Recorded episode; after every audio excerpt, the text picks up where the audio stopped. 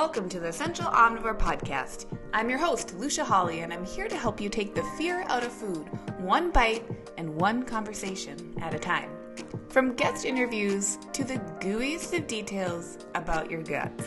I hope you'll join me in creating space around the subject of our bodies and just what they might be telling us when we slow down and listen closely.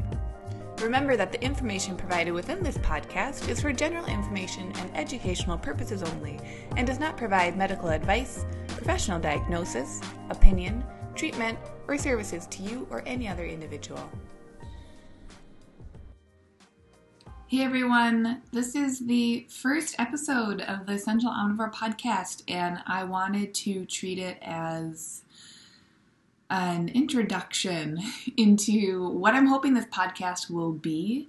Um, so as I'm recording this now, I've actually have recorded the first four interviews already, and they're all set. They're in the pipeline. So um, this episode plus the first four will be released all together. So I've had some time to start those interviews and really get a feel for where I feel like this project is going. And I know that it will change, and that's perfect.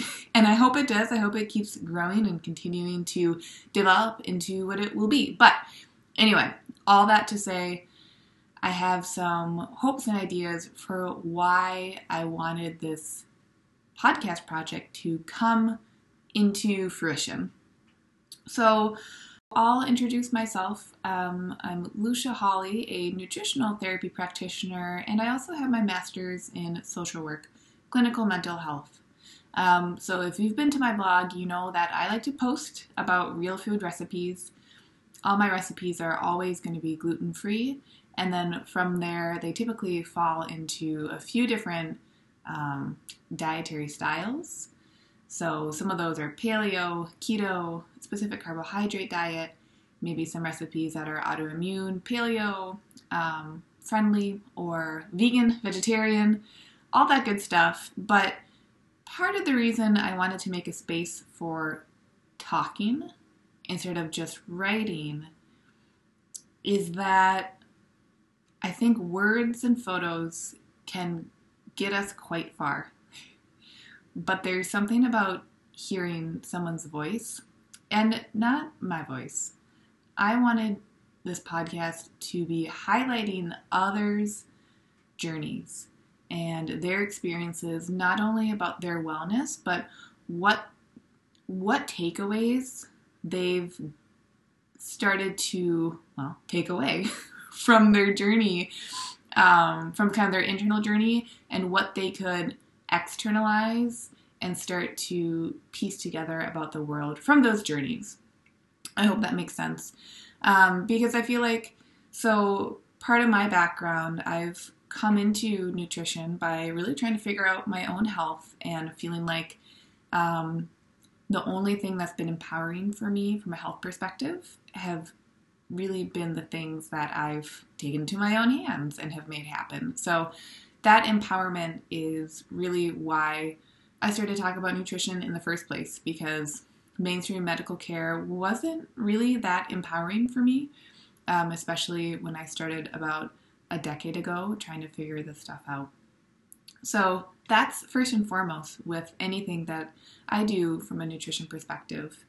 So after writing recipes, which is a really, for me, a very fun creative outlet, and taking those photos, I also um, work with clients one on one, and I've had a history of working with clients in group settings.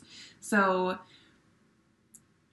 taking away what I've noticed in trends in wellness and trends in maybe how we influence one another and how we think about ourselves and our relationship with food and our relationship to wellness and fitness and everything is that I, I feel like even in this alternative health world where we were talking about nutrition and we are talking about supplements or herbs or mindfulness or stress reduction or, or any of these really, really powerful healing tools, at the end of the day, I still feel like there's a bit of a hope that there will be a silver bullet. Um, And I say that with a lot of love because I think I fit into that too. And starting to look back at recognizing what has been most healing for me, um, it's been listening. And it's been listening to others' stories. And I basically want to make space for other people's stories. Not so that it feels like, aha, that person did this protocol and it worked perfectly for them, and now I will go do that protocol. Less of that and more from the general takeaways about what their journey has shown them and how it's shaped how they interact with themselves. Okay? So, I'm to keep that description real blurry.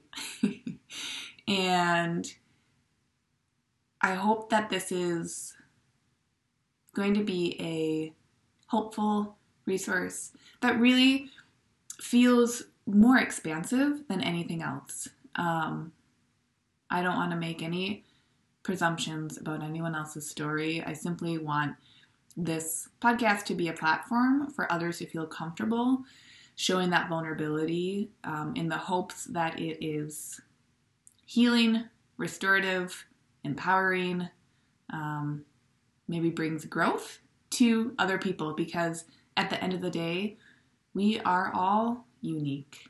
And what's going to quote unquote work for someone in this millisecond or minute or hour or day or week or month or whatever might not work next month. And instead of having that be a really scary and overwhelming idea, I hope it's actually um, really intriguing and really eye opening and brings more abundance into this world of nutrition and wellness and all the goodies and the goobers that come along with that territory. So, thank you for opting to listen to this podcast, and I hope it feels expansive for you. And I hope you know that as it continues, um, it will grow into its own into its own thing. Or at least that's my hope. Okay, without further ado, let's get into the interviews. Hey, thanks so much for joining along on today's episode. For full archives of past episodes, hop on over to essentialomnivore.com or subscribe to the Essential Omnivore podcast on Apple Podcasts or Stitcher.